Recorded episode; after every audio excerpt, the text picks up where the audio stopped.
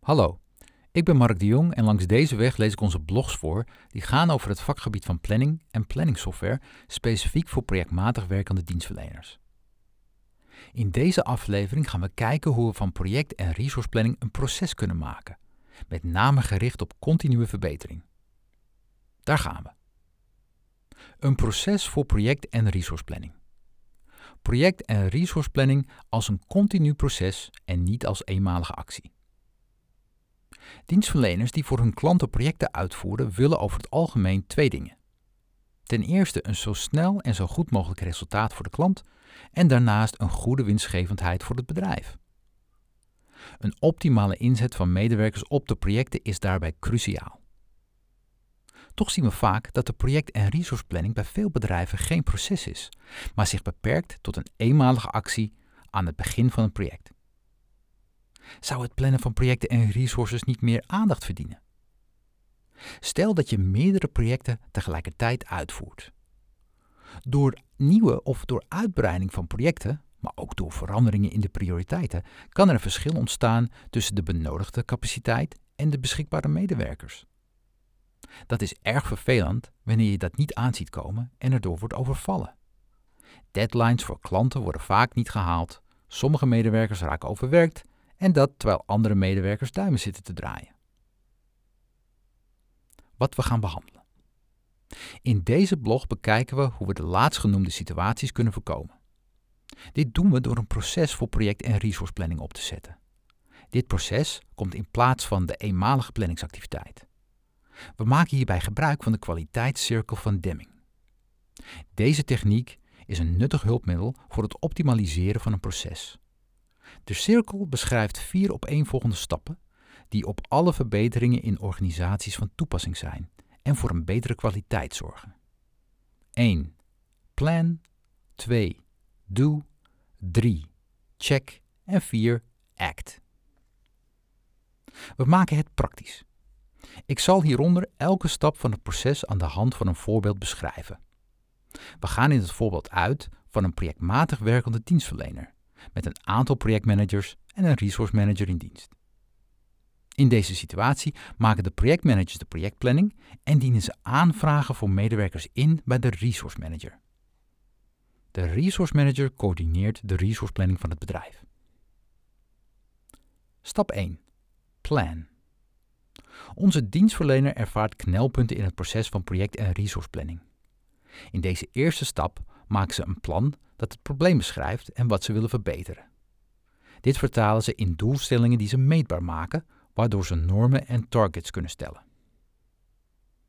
Het probleem. We lopen voortdurend achter de feiten aan bij wijzigingen in projecten. Pas op het laatste moment komen we erachter dat we meer medewerkers nodig hebben, of staan er opeens medewerkers aan ons bureau die de komende periode niets te doen hebben. De gewenste verbetering. We willen kunnen anticiperen op extra benodigde capaciteit in projecten en op medewerkers die eerder uitstromen op projecten. Hierdoor kunnen we beter de resultaten voor de klanten garanderen en daarnaast de inzet van medewerkers optimaliseren. Doelstellingen meetbaar maken. De doelstelling in ons voorbeeld is tweeledig. 1. Resultaten aan klanten garanderen. 2. Optimale inzet van medewerkers. Deze doelstellingen zijn alleen niet concreet genoeg. Wat wordt er onder resultaten garanderen verstaan? Bedoelen ze hiermee een tijdige oplevering of gaat het over een bepaalde kwaliteit? Of misschien wel beide? Het is zaak om de doelstellingen duidelijker en meetbaar te maken. Dit doe je aan de hand van kritische prestatieindicatoren, ook wel bekend als KPI's. In ons voorbeeld gaan we ervan uit dat met resultaten garanderen ze op tijd leveren bedoelde. Om de doelstelling duidelijker te maken, drukken ze de KPI uit met een aantal dagen overschrijding. De optimale inzet van medewerkers wordt uitgedrukt in een percentage dat medewerkers voor klanten werken ten opzichte van het totaal aantal werkbare uren. Deze KPI noemen ze facturabel. Normen en targets bepalen. Nu de KPI's zijn vastgesteld, is het tijd om normen en targets te bepalen. Uit een nulmeting blijkt dat de KPI facturabel het afgelopen jaar gemiddeld 75% was. Voor de KPI aantal dagen overschrijding blijkt dat er gemiddeld 10 dagen te laat werd opgeleverd. Deze cijfers hanteren we nu als de normen. Een essentieel onderdeel van de kwaliteitscirkel van Deming is het bepalen van de ambitie. De ambitie wordt vormgegeven door targets te stellen. Zo stelt het bedrijf dat ze binnen drie maanden de KPI aantal dagen overschrijding naar vijf dagen willen hebben en vervolgens binnen zes maanden op nul dagen. De KPI facturabel willen ze in dezelfde tijdslijnen verhogen naar 80 en vervolgens naar 85% Stap 2. Do. De uitvoering van het plan vindt plaats in de tweede stap van het proces. Het bedrijf voert nu activiteiten uit die helpen de gestelde doelen te behalen. In de oude situatie zaten de projectmanagers en resource manager alleen bij de start van het project en bij calamiteiten om de tafel. Nu ze hebben besloten om van de project- en resource planning een proces te maken, hebben ze nu wekelijks op maandagochtend een planningsoverleg. Tijdens deze vergadering informeren ze elkaar over ontwikkelingen in de project- en resource planning. Registreren van gegevens. Een belangrijk aandachtspunt in deze stap is het continu registreren van de gegevens die nodig zijn om het verloop van de KPI's vast te stellen. In de volgende stap, de check, wordt de effectiviteit van het nieuwe proces gemeten en besproken. Dit kan alleen als de gegevens beschikbaar en betrouwbaar zijn. Meten is weten en zonder goede data kan er niet worden bijgestuurd. Het bedrijf in ons voorbeeld beschikt over een systeem voor tijdschrijven. Zo beschikken ze over de benodigde gegevens, waardoor ze eenvoudig de KPI facturabel kunnen berekenen. Voor de KPI aantal dagen overschrijding legden ze tot nu toe niets structureel vast. Echter willen ze nu wel een prognose van deze KPI kunnen maken, zodat ze op tijd kunnen bijsturen. Daarom zal vanaf nu elke projectmanager wekelijks op vrijdagmiddag de voortgang van elk project opnemen. Hierdoor kan de projectmanager tijdens het planningsoverleg op maandagochtend een verwachting afgeven. Ondersteunende indicator.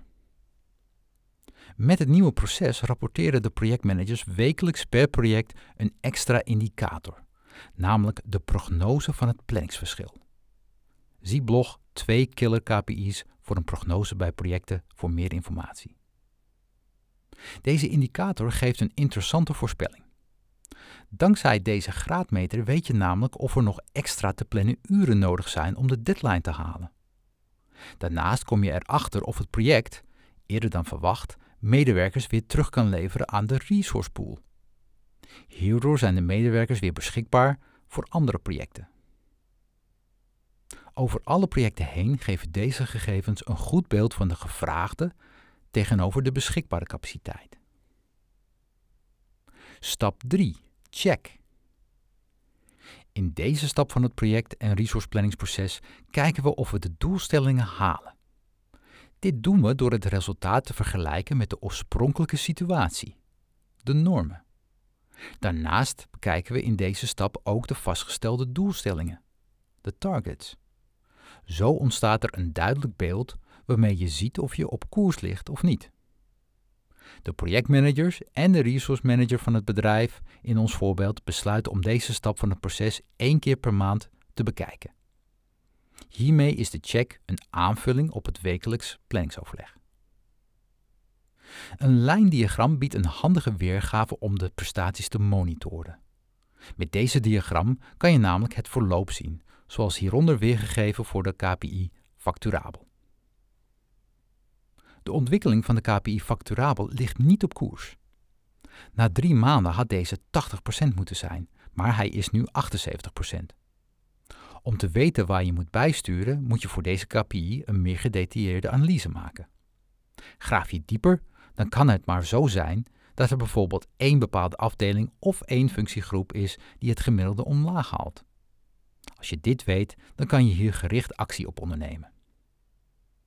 In de onderstaande grafiek zien we de resultaten voor de KPI aantal dagen overschrijding van een zestal projecten.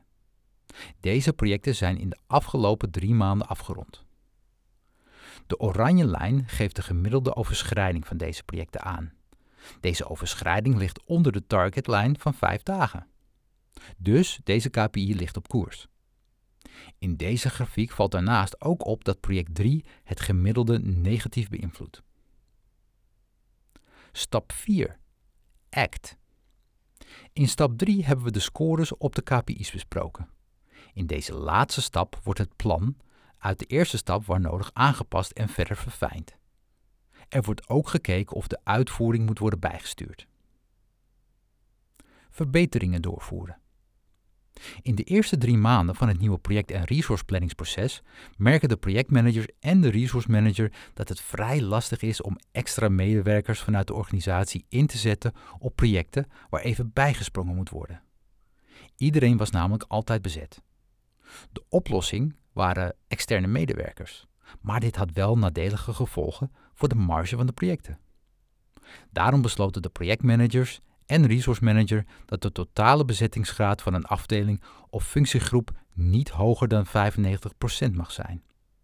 Op die manier hebben ze een buffer van beschikbare uren die ad hoc ingezet kunnen worden bij projecten die toch plots extra capaciteit nodig hebben. De extra uren komen uit de buffer van het project, zodat de beloofde deadline gehaald kan worden. Normen en targets bijstellen. In het voorbeeld zijn we halverwege het traject, namelijk aan het eind van de derde maand. De normen van de KPI's houden we nog steeds aan. Deze passen we pas aan na de zes maanden die ervoor zijn uitgetrokken. De projectmanager en de resource manager besluiten wel om de target voor de KPI facturabel bij te stellen. Achteraf gezien is deze te ambitieus. En de target voor over zes maanden wordt aangepast naar 82%. De target voor de KPI aantal dagen overschrijding blijft hetzelfde. Na drie maanden lag deze KPI al iets voor op schema, maar naar verwachting zal het in de volgende drie maanden iets moeilijker worden om het gemiddelde naar nul dagen te brengen. Conclusie. De kracht van een proces voor project- en resourceplanning zit in de continue aandacht die aan het proces besteed wordt. Het aardige van de kwaliteitscirkel van Deming is het aspect van voortdurend verbeteren. Door de lat steeds iets hoger te leggen met nieuwe targets, wordt de project- en resourceplanning voortdurend verbeterd, waardoor de prestaties van het bedrijf steeds beter worden. Als we kijken naar ons voorbeeld, je hoeft niet te stoppen wanneer de KPI aantal dagen overschrijding de nul dagen bereikt heeft. Je kan daarna bijvoorbeeld een nieuwe target op minus 5 dagen stellen zodat we de verwachtingen van klanten gaan overtreffen. Het bedrijf kan zich op die manier nog meer gaan onderscheiden van de concurrentie. Op deze manier draagt een procesgericht planningsproces zelfs bij aan een onderscheidend aanbod. In het geschetste planningsproces voor projecten en resources zie ik wel een voorwaarde. Namelijk dat de projectmanager een constante terugkoppeling moet geven over de voortgang van de projecten. Hierdoor moeten alle medewerkers minimaal één keer per week de voortgang aan de projectmanager rapporteren. Voor de acceptatie door de medewerkers is het belangrijk dat de medewerkers niet het gevoel krijgen dat ze verantwoording moeten afleggen. Hierom moet het voor hen duidelijk zijn dat hun feedback alleen gebruikt wordt voor het verbeteren van de prestaties van de organisatie. De rapportage over de voortgang hoeft ook helemaal niet uitgebreid te zijn. In ons voorbeeld is het voldoende als de medewerker doorgeeft hoeveel uur hij of zij nog nodig heeft om het werk af te ronden. Dit is voor de projectmanager voldoende om te bepalen of de deadline nog haalbaar is en of er nog voldoende capaciteit beschikbaar is. Bedankt voor het luisteren. Ben je geïnteresseerd in meer? Ga dan naar www.timewix.nl/blog om je gratis te abonneren. Tot de volgende.